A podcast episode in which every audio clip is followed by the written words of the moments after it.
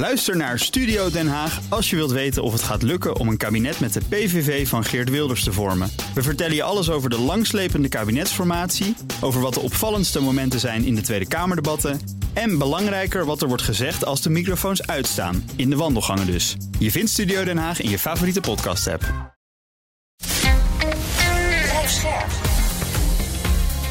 BNR Nieuwsradio. Boekenstein en de Wijk.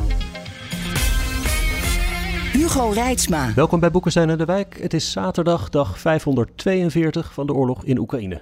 Maar we moeten het hebben over China. Dat gebeurt wel vaker, maar dan is de reden China's kracht. Vandaag China's zwakte. Want het gaat helemaal niet zo goed met China. Dat heeft uh, economische oorzaken en gevolgen, maar misschien ook wel politieke. Hmm. Laten we met de economie een beetje beginnen. Hè? Gewoon even naar de feiten kijken. En dan zie je dus dat die aandelenmarkt, dat gaat helemaal niet lekker. Hè? Mhm. Als je het als de, de CSI, als je die vergelijkt, die index met de S&P vorig jaar, die is gewoon met 14% gestegen, de S&P. Maar de, in, uh, ja, in China is hij gewoon 2% down hè, over dit hele periode. De economische groei in het tweede kwartaal is slechts 0,8%. Dat is voor China echt heel, heel laag. De Chinese export is met 12% gekrompen. De, de, de, verkoop van vastgoed is met 27% gekrompen. Jeugdwerkloosheid is gewoon 21,3% jongens. En we hebben deflatie. Ze hebben gewoon deflatie. Nou, deflatie betekent dus dat mensen dus in een koperstaking gaan. Want ja, die laptop die ik wilde kopen is over een maand misschien goedkoper. En de deflatie is dus heel slecht voor een economie. Want dat leidt ertoe dat mensen niet meer kopen. Dus het gaat niet goed met, uh, met China is al ja. een zo. We zien het al gewoon een hele tijd zien we dat uh, gebeuren. En ik, ik, ik, denk dat eigenlijk COVID ja, toch een hele belangrijke reden is waarom dit gewoon uh, van de rails is uh, gelopen. We, jullie weten allemaal nog dat, dat zero-COVID-beleid van, van Xi keiharde lockdowns. Iedereen die zat in, in tentenkampen als het een beetje tegen zat, die eventjes tot uh, uh, waren gebombardeerd. Het, is gewoon niks, niks geworden en het heeft ook veel te lang geduurd. Drie jaar, ja. Ja, exact. En, en men dacht dat na het aflopen van die pandemie en het verlichten van ehm, de restricties, er een enorme boost zou komen in die economie van China. Dat is gewoon wel even gebeurd, maar daarna is het gewoon gestagneerd. Ja. En, en de grote vraag is nu, waarom stagneert dat? Ze hebben ook nog steeds die grote problemen in de vastgoedsector. Hè? En dat, dat blijft maar zeuren. Ik zag deze week heeft Evergrande, dat, dat, dat vastgoed gigantisch bedrijf, uh, met ook gigantische schulden, heeft in de VS uh, faillissementsbescherming aangevraagd. En mm. dat is ook een enorm probleem voor de hele economie. En Country Garden, die, die is ook hartstikke groot. Hè? Ja. Dan moet je je voorstellen wat, wat een ellende dat is. Die jongen die kan dus de aannemers, die projectontwikkelaars, die kunnen de aannemers niet meer betalen. Dus die gaan failliet. Hè? Nou, wat moet je nou als Chinese overheid doen? Als je dus steun geeft ja, dan hou je dus een, een, een tak die gesaneerd moet worden, hou je overeind. Hè? Als je geen steun geeft, ja, dan krijg je besmetting en sociale onrust. Dus het is ontzettend lastig allemaal. Hè? En wat ik ook zo mysterieus vind, jongens, in sommige grote Chinese steden heb je dus heel veel huizen staan leeg. Hè? Dat weten we al jaren. Maar andere plekken, als je met jonge Chinezen praat, die willen heel graag een huis kopen, maar die kunnen dat gewoon niet betalen. Dus het is een totale mismatch hè, tussen datgene wat er is en wat mensen zouden willen kopen. Dus het is niet leuk dit. Maar volgens mij waren er ook al punten voor corona. Hè? Dat Xi had toen die, die, internetbedrijven enorm uh, aan, aan de ketting gelegd. En het privébedrijfsleven, daar moest hij eigenlijk ook niet zoveel van hebben. Het moest allemaal maar door de staatsgeleide industrie gebeuren. Nou ja, weet je, dat is het hele idee van no politics, no problems. uh, dat was het echt adagium. Maar als je dus als ondernemer maar niet met uh, politiek bezig hield, dan had je geen probleem. En dat is geleidelijk losgelaten. Kijk, iedere keer als er een uh, probleem was in China, dan reageerde Xi eigenlijk op dezelfde manier, namelijk met meer repressie. En dus op het moment dat Jack Ma, ja. uh, de grote man van Alibaba, een van de allerrijkste Chinezen, maar volgens mij ook een van de rijkste mensen ter wereld, uh, zich begon te beklagen over de stringente wet en regelgeving in China, waardoor hij eigenlijk gewoon behoorlijk kon ondernemen en waarbij ook werd besloten politiek werd besloten om uh, de beursgang van de Ant Group uh, van hem uh, te, te verbieden. Nou, uiteindelijk is volgens mij daar wel weer een gedeeltelijke beursgang van, van mogelijk geweest. Maar mm. nou, dat is echt een groot probleem geworden. Nou, toen hij daar kritiek op uitoefende, toen verdween hij dus letterlijk van toneel. Ja, ja. En daar is even stevig met hem gesproken van doe dat nu maar niet. En wat je dus ook ziet met die, en daarom vind ik ook dat voorbeeld wat je noemt van die, die techbedrijven zo interessant. Is wat je ziet in China is uh, dat um, uh, de techbedrijven zijn, de, ja, is het kip met de gouden eieren, mm -hmm. En die gaat nu onder druk zetten. Ja, dat is niet verstandig hoor, uh, volgens mij. En weet je ook de oude verdedigingslinie van China, van China en mensen die China een warm hart toedragen is van ja, dat land heeft een central rule nodig en Xi is daar goed voor. En de communistische partij is eigenlijk heel populair bij de mensen. Het is allemaal een leuk verhaal hoor. Die Mamubani bijvoorbeeld, die we al eerder noemde, die noemt als China het meest meritocratische land in de wereld. Oh ja? Nou ja, aan mijn neus zeg ik. Ik bedoel, als je, als je vader in een, in een, een soort concentratiekamp werd gezet omdat hij covid had, dan moet dat toch, dat sociale contract moet toch een deuk hebben gekregen. Of als, als jonge Chinezen dolgraag een appartement willen kopen en dat kunnen ze niet dan lijkt dat met ook dat het enthousiasme voor het politieke systeem dan misschien wel geraakt zou kunnen worden. Nou ja, dat is een, heel, hele interessante opmerking, uh, Arjan. Want uh, kijk, ik, ik, heb ook heel wat studies gezien van, uh, van mensen die zeggen van kijk, uh, als autocraten aan de macht komen, dan zijn ze in staat door een ferm beleid de economie enorm op te peppen.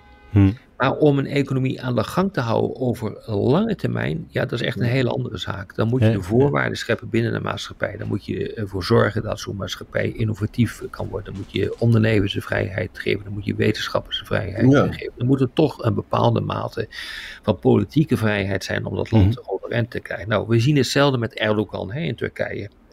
Uh, die uh, is, hoe lang is dat nou geleden dat die man aan de macht kwam? Twintig of zo? Zoiets, hè? ja, zoiets, ja. Dus, uh, ik bedoel, je kan niet eens meer herinneren. Hele generaties in Turkije kennen niet anders dan Erdogan. En dan begint natuurlijk met Xi ook op te lijken. Ja. En die heeft toen ook ingegrepen, omdat hij zegt van lage rentes zijn ongelooflijk belangrijk. En dat, dat had hij, gooide hij dan een, een, een moslimsausje overheen. Maar het belangrijkste gevolg was hier aan de inflatie door die lage rentes. Ja, weet je uh, dus een, een, een autocraat kan ook heel veel kapot maken. Dat hebben we in Absoluut. Hongarije ook gezien, waar heel veel geld in de economie is, uh, uh, is gestopt. maar dat is, heeft ook niks opgeleverd. En Xi, daar, die lijkt nu hetzelfde lot beschoren. ja, het, het, het is uitgewerkt op, op, een, op een gegeven ogenblik. En er wordt nu al de vergelijking getrokken met Japan. Kan je dat nog herinneren? Begin van de jaren negentig, wat daar gebeurde. Was ook een, um, een vastgoedbubbel hè, die uh, tot explosie kwam. En had ook natuurlijk gewoon uh, te maken met de politieke veranderingen als gevolg van het einde van de Koude Oorlog. Nou, enzovoort, enzovoort. Maar die, die, uh, die combinatie van een stagnerende politiek en een vastgoedbubbel zien we nu ook in China. Dat ja. wil niet zeggen dat ze dit niet, dit niet te boven kunnen komen. Hm. Maar het is wel zorgwekkend voor de Chinezen. En ook de verwevenheid van het bedrijfsleven met de staat, oftewel het staatskapitalisme. Dat, dat een, een, een, variant daarvan had je in Japan natuurlijk ook. Hè? Weet je nog, aan het begin van de pandemie was er een dokter die zei van jongens, het gaat mis, we hebben covid, het moet ja. echt, het gaat helemaal van... Die man werd in de gevangenis gezet. Weet je nog? Die is volgens mij uiteindelijk overleden aan covid, toch? En die had... Ja. ja. ja. Dat is nou ook niet de meest verstandige houding. Toch? Ja. Nou ja, weet je, kijk, je moet de deuren open houden. Wil je dus uh, zo'n land uh, uh, verder kunnen ontwikkelen? En ja, dan is ook echt de grote vraag wat de impact is van al die sancties van de Verenigde Staten. Die hebben natuurlijk ook niet niet bijgedragen aan een goede economische ontwikkeling van, uh, van China. Maar waarschijnlijk is dat niet het grootste probleem. Het grootste waren, probleem zit hem echt intern. Er waren recent waren mooie cijfers. Hè, dat dus, dat op, op het eerste gezicht lijkt er inderdaad enorme ontkoppeling te zijn door die Amerikaanse sancties tussen de VS en China. Je ziet de, export, de Chinese export naar de VS is gekelderd. Maar de Chinese export naar bijvoorbeeld Mexico en Vietnam is geëxplodeerd. Net als ja, de export van Mexico en Vietnam naar de VS. Dus ja, Rara, hoe kan dat? Je ziet dus dat dat sanctiebeleid van de Verenigde Staten toegeleid heeft dat de Amerikaanse zogenaamde foreign direct investments, dus zeg maar de investeringen van Amerika in China, die zijn enorm afgenomen. Dat is nog maar 5% van het totaal, dat is echt heel erg weinig. Uh, China heeft hetzelfde gedaan in de Verenigde Staten, maar investeert nu wel in Canada, Mexico, de landen die jij noemt, maar ook interessant genoeg in Australië, waar ze tot uh, voor kort op ramkoers uh, mee lagen. Ja, ja. Maar overal heeft dus Amerika een net capital inflow. Hè? Mensen willen graag in Amerika investeren. En China heeft dus een, een, een net. Dus, dus, er komt minder geld China binnen dan het eruit gaat. En dat was vroeger wel eens anders. Hè? Dat, is ook, dat is ook interessant. Ja. En, en, verder weet je, wat je om China te verdedigen. Kijk, ik denk dat alle dingen die je over China zeggen, is gewoon waar. Dus echt hele grote kritiek op mogelijk. Maar wat Chinezen dan natuurlijk doen, zeggen: ja, maar kijk dan eens naar Amerika, jongen. Er zijn zoveel mensen hebben hun levensstandaard de afgelopen twintig jaar is gedaald. Dat is natuurlijk ook wel waar. Hè? De, ongelijkheid in Amerika is natuurlijk enorm toegenomen. Maar ja, de ongelijkheid in China is ook betrekkelijk hoog hoor. Die is denk ik nog een stuk groter. Ja. Dus ik weet niet of je het op die manier kan uh, goed praten. Ja, kijk, weet je, de grootste bedreiging, denk ik, op dit ogenblik is uh, dat door de vertraging van de Chinese groei de wereldeconomie wordt uh, getroffen. We zien dat nu al gebeuren. Ja. ook Nederland begint nu in een recessie te raken. Daar is, denk ik, ook een indirecte relatie met wat er gebeurt internationaal, omdat Nederland zo ongelooflijk afhankelijk is van het buitenland. Dan realiseer je dat 40% van de mondiale groei van de afgelopen 10 jaar, die werd veroorzaakt door China. 22% door de Verenigde Staten, 9% door de landen van de eurozone. Dus het is echt een enorm belangrijke factor in de internationale economie. Ja, ja, ja. En de neergang van de middenklasse in Amerika had te maken dus met de Chinese toegang tot die World Trade uh, Union. Dat betekent dus dat dat zeg maar, de opkomst van de Chinese middenklasse vindt zijn pedant in de neergang van de Amerikaanse middenklasse. Mhm. en, dat, en dat gaat dus nu misschien in de toekomst weer een beetje eh, beter, maar dat weten we niet. Omdat China dus in de problemen komt. Mhm. Ja. ja, nou ja, weet je, kijk, ik vind altijd dat soort voorspellingen, die zijn wel allemaal extreem korte termijn hoor. Ja, zeker. Want als je dus uh, ziet dat in 2017 uh, Xi zijn uh, plannen voor de toekomst heeft uitgewerkt tijdens een partijcongres. En heeft gezegd van rond 2035 wil ik techmacht nummer 1 worden in de wereld om de grootste macht en de belangrijkste macht van de wereld in 2049 te worden. Dan hebben we nog wel even hoor. Ja, en zoals het nu voor staat is laten we zeggen, in termen van koopkracht is China al groter dan uh, Amerika. Het is nog niet de grootste economie uh, van de wereld in uh, termen van um, inkomen per capita, dus per, hmm. per persoon zeg maar in China, zal het ook niet snel gaan gebeuren dat ze Amerika in gaan, gaan lopen. Maar ja, je kunt niet zeggen dat China niet een geweldige factor is geworden in de wereld. En dat blijkt ook wel uit wat ik net heb gezegd van die cijfers dat 40% van de mondiale groei, die wordt veroorzaakt door China en niet door Amerika of door de Europese Unie. Ja. Gelukkig zelfs dat Amerika dus ook die Chips Act heeft, dus echt acties onderneemt. Zag je trouwens op dat in Dresden nu toch het TSMC eh, komt? Ja, heb ik gezien. Daar was ik wel heel blij mee eigenlijk. Dat, ja, ik moet nog alleen eens even precies kijken, want ik kan die cijfers niet helemaal achterhalen, maar ik kom er nog wel een keer achter of dat nou een, uh, om wat voor chips dat gaat. Dus TSMC is uh, verantwoordelijk voor 60% van de halfgeleiders uh, die in Europa worden gebruikt. Uh, andere bedrijven zoals NXP, Nexperia, die maken ze ook in Europa.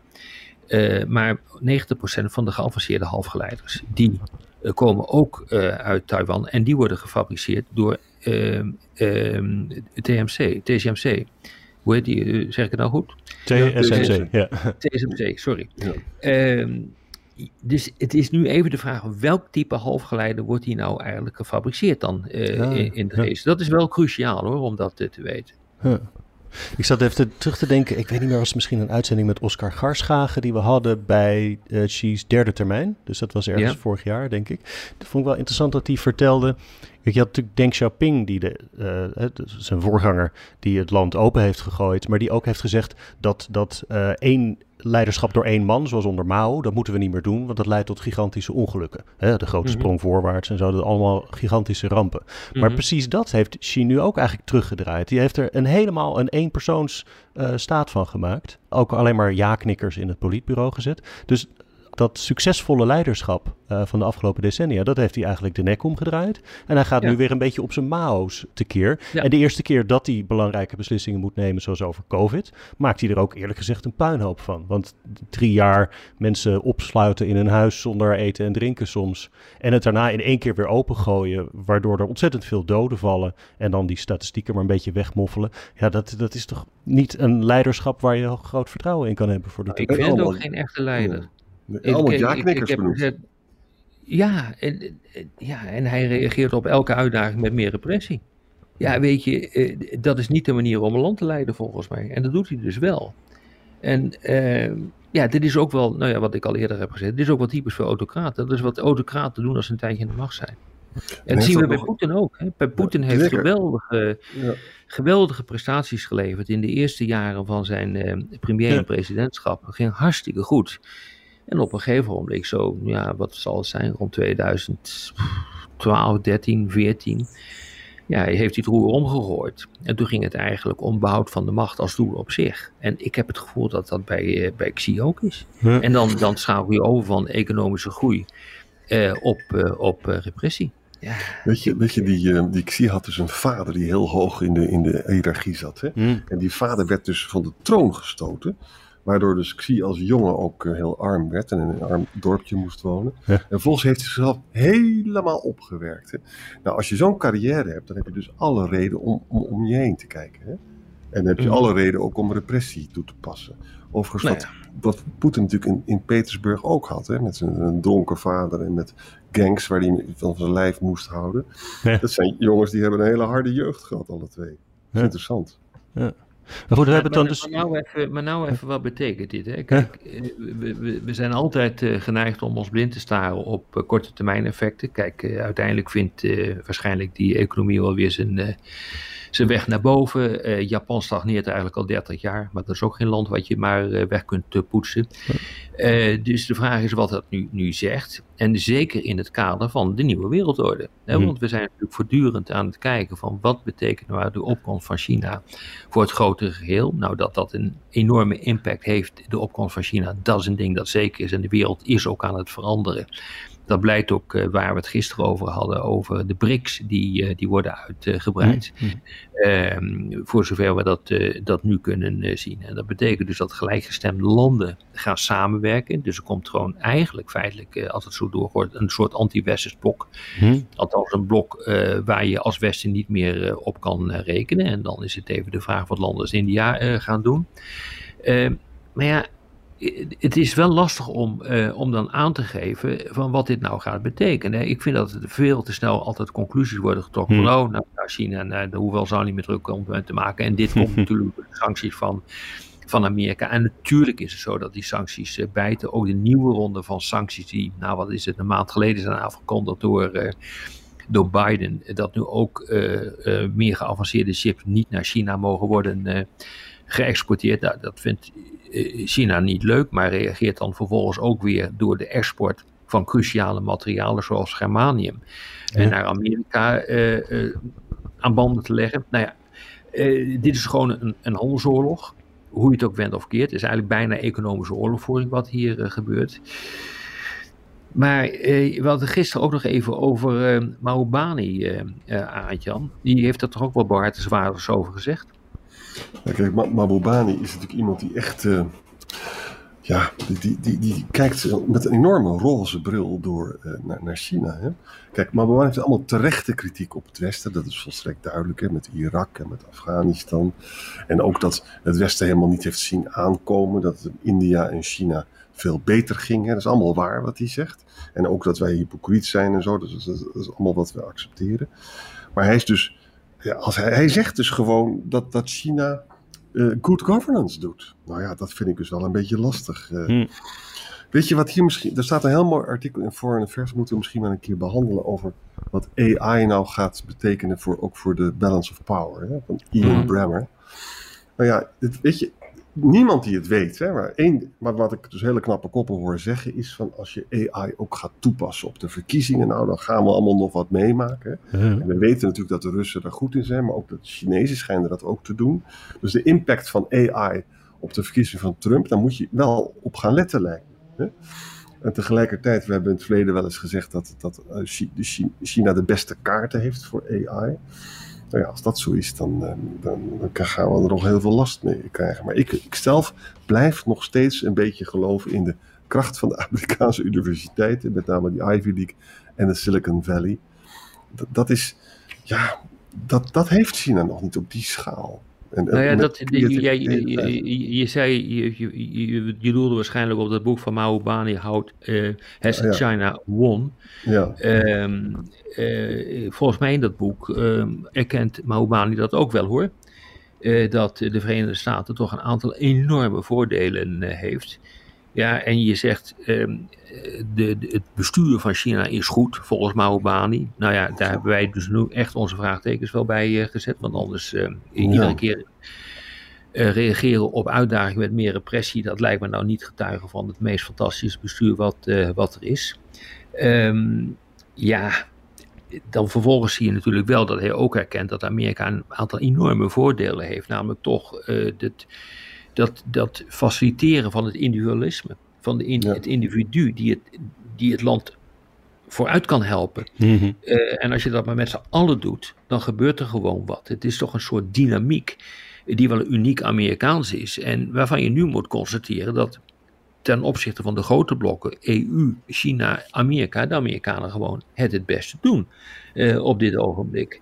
Ja. Uh, ze hebben, nou wat jij zegt, uh, Jan, de beste universiteiten. Ze hebben sterke instituties, hoewel natuurlijk Trump behoorlijk daartegen aan het, uh, aan het schoppen is. Maar op één punt vind ik dus wel dat Mahobani absoluut uh, gelijk heeft. en dat is dat die Amerikanen gewoon feitelijk bezig zijn met zichzelf. dus ehm, je ziet nu die enorme discussie die we nu hebben over Trump. de, de, de, de voorpagina's van de Amerikaanse kranten, ook van de grote internationale Amerikaanse kanten, zijn daarmee gevuld. Dat is waar Amerika mee bezig is. Ja, jongens, uh, dit land is met zichzelf bezig. Uh, die ja. Republikeinse partij is dysfunctioneel uh, geworden. Die kijkt alleen nog maar naar binnen. Er is geen idee meer van een nationaal belang. Maar er is, wel van een, er is wel een idee van een korte termijn politiek belang, een electoraal belang. En daar wordt gewoon alles aan ondergeschikt gemaakt. Dat vind ik eerlijk gezegd de grootste bedreiging van Amerika. Maar dat vind ik eerlijk gezegd ook de grootste bedreiging voor de Europese Unie. Ja, uh, maar dat is absoluut waar hoor. en landen speelt. Ja. We, we, praten altijd over de rechtsstaat in China. Hè. Ik vind dat die gebrekkig is. Maar wat, wat er vandaag dus gebeurt, is dat de achterban van Trump oproept om de rechters die, van Georgia, om die maar eens aan te pakken. Nou, dat is dus erger kan je gewoon niet bedenken, toch? Ja, dat, is, gewoon echt, ja. dat is gewoon echt verschrikkelijk. Ja. ja, maar dat zet dus een enorme rem als dit dus gewoon uh, onderdeel wordt van de politieke cultuur van een land. En dat lijkt het nu te worden. Eh, in uh, de Verenigde Staten, waar alles gejuridificeerd wordt, dan heeft dat gewoon consequenties voor de toekomst. En het, het, het adaptieve vermogen van zo'n land om zich aan te passen aan die nieuwe wereldorde en op een behoorlijke manier om te gaan met China. Want je kunt niet alleen maar reageren met het opwerpen van allerlei handelsbarrières, het, het, niet doen van investeringen in China. Dat, dat kan niet. Ik bedoel, je ziet nu, dat hebben we ook geconstateerd, dat ehm, China nu eh, gaat investeren in allerlei andere landen die daar wel bij varen. En dat gaat ook ten koste van eh, de Verenigde Staten. Dus als je die deuren dichtgooit, wat Amerika nu doet, ja, dat gaat ook ten koste van jezelf uiteindelijk. Ja. Uh, voor de radio moeten we afronden. Ik wil je nog één, dat plak ik er in de podcast wel aan, puntje nog voorleggen. Want je kan je ook afvragen als China misschien wat zwakker staat dan gedacht. Is dat eigenlijk goed of slecht? Uh, president Biden die noemde China laatst een tikkende tijdbom. Want, zei hij, als mensen problemen hebben, dan doen ze slechte dingen. Ja, dat is dus de gedachte van als het binnenlandse politiek slecht gaat. Hè, dan heeft, ik zie dus het verleiding om een buitenlands politiek succes te halen. om te compenseren voor die binnenlandse politieke ellende. Dat is een 19e eeuwse gedachte. En die is helemaal niet zo gek, want Xi is inderdaad, heeft zich aan alle kanten verknoopt met die hele, het hele Taiwan-dossier. En als het inderdaad binnenlands politiek zo slecht blijft gaan, zou dat hem meer trigger-happy kunnen maken ten aanzien van Taiwan. Het is natuurlijk angstaanjagende gedachte en niet helemaal ja. Ja, ja, maar het is wel zo, en ook om even terug te komen op Maubani, die zegt van China is wel in die zin een status quo macht, in tegenstelling tot, uh, tot Rusland, voeg ik er maar even aan toe. Uh, die op zich niet bezig is om de wereld totaal te veranderen, wil wel veel meer invloed krijgen in andere delen van de wereld, onder andere via dat Belt and Road initiatief, die nieuwe zijderoutes. Maar je kan toch niet zeggen dat, eh, dat China echt bezig is de wereld compleet te verbouwen, behalve als het ze lukt inderdaad om een hele hoop landen achter zich te krijgen, ja. bijvoorbeeld via de BRICS. Maar ja, ik vind het heel moeilijk in te schatten of dat gaat lukken. Wat ik een leuke opmerking van Mao Bani vind, of het waar is weten we niet, maar het is wel leuk. Hij vergelijkt het met de Koude Oorlog. Zegt hij, dat Rusland verloor omdat Rusland rigide was en Amerika was flexibel. En nu vindt hij dus dat Amerika de Russische rol heeft, want ze zien overal Chinese oh, gevaar. Hè? Ja. Uh, en, en China vindt hij flexibel. Nou, of het waar is, dat, dat zullen we. Nou ja, nu niet hè. Uh, kijk, onder Biden is dat zeker niet het geval. Biden is echt klassieke machtsbalanspolitiek uh, die je van Amerika kan verwachten. Het is ook klassieke politiek om te gaan investeren in je eigen ook, eh, economie, waarin altijd in Amerika protectionistische eh, tendensen hebben gezeten. Ja. Zo'n IRA, zo'n Inflation Reduction Act, waarmee dus enorme subsidies worden gegeven op alles wat bij wijze van spreken groen is, waarbij mits gemaakt in Amerika. Mhm. Dat heeft echt een enorme boost uh, opgeleverd voor, voor die economie. Ja, dus ehm, ik moet toch zien hoor, eh, of dat nog wel klopt wat hij heeft gezegd. Als Trump aan de macht komt, dan klopt het zeker. Hmm, ja. ja. Interessant. Dank weer voor vandaag en um, we spreken elkaar maandag weer. Zeker. Ja, maandag. maandag. Ook Liesbeth Staats vind je in de BNR-app. Ja, heel handig. Luister live naar Kees en mij tijdens de Daily Move. Dan blijf je ook gelijk op de hoogte van breaking news en het laatste zakelijke nieuws. En daar vind je ook alle BNR-podcasts, waaronder de Perestrooikast. Download nu de gratis BNR-app en blijf scherp.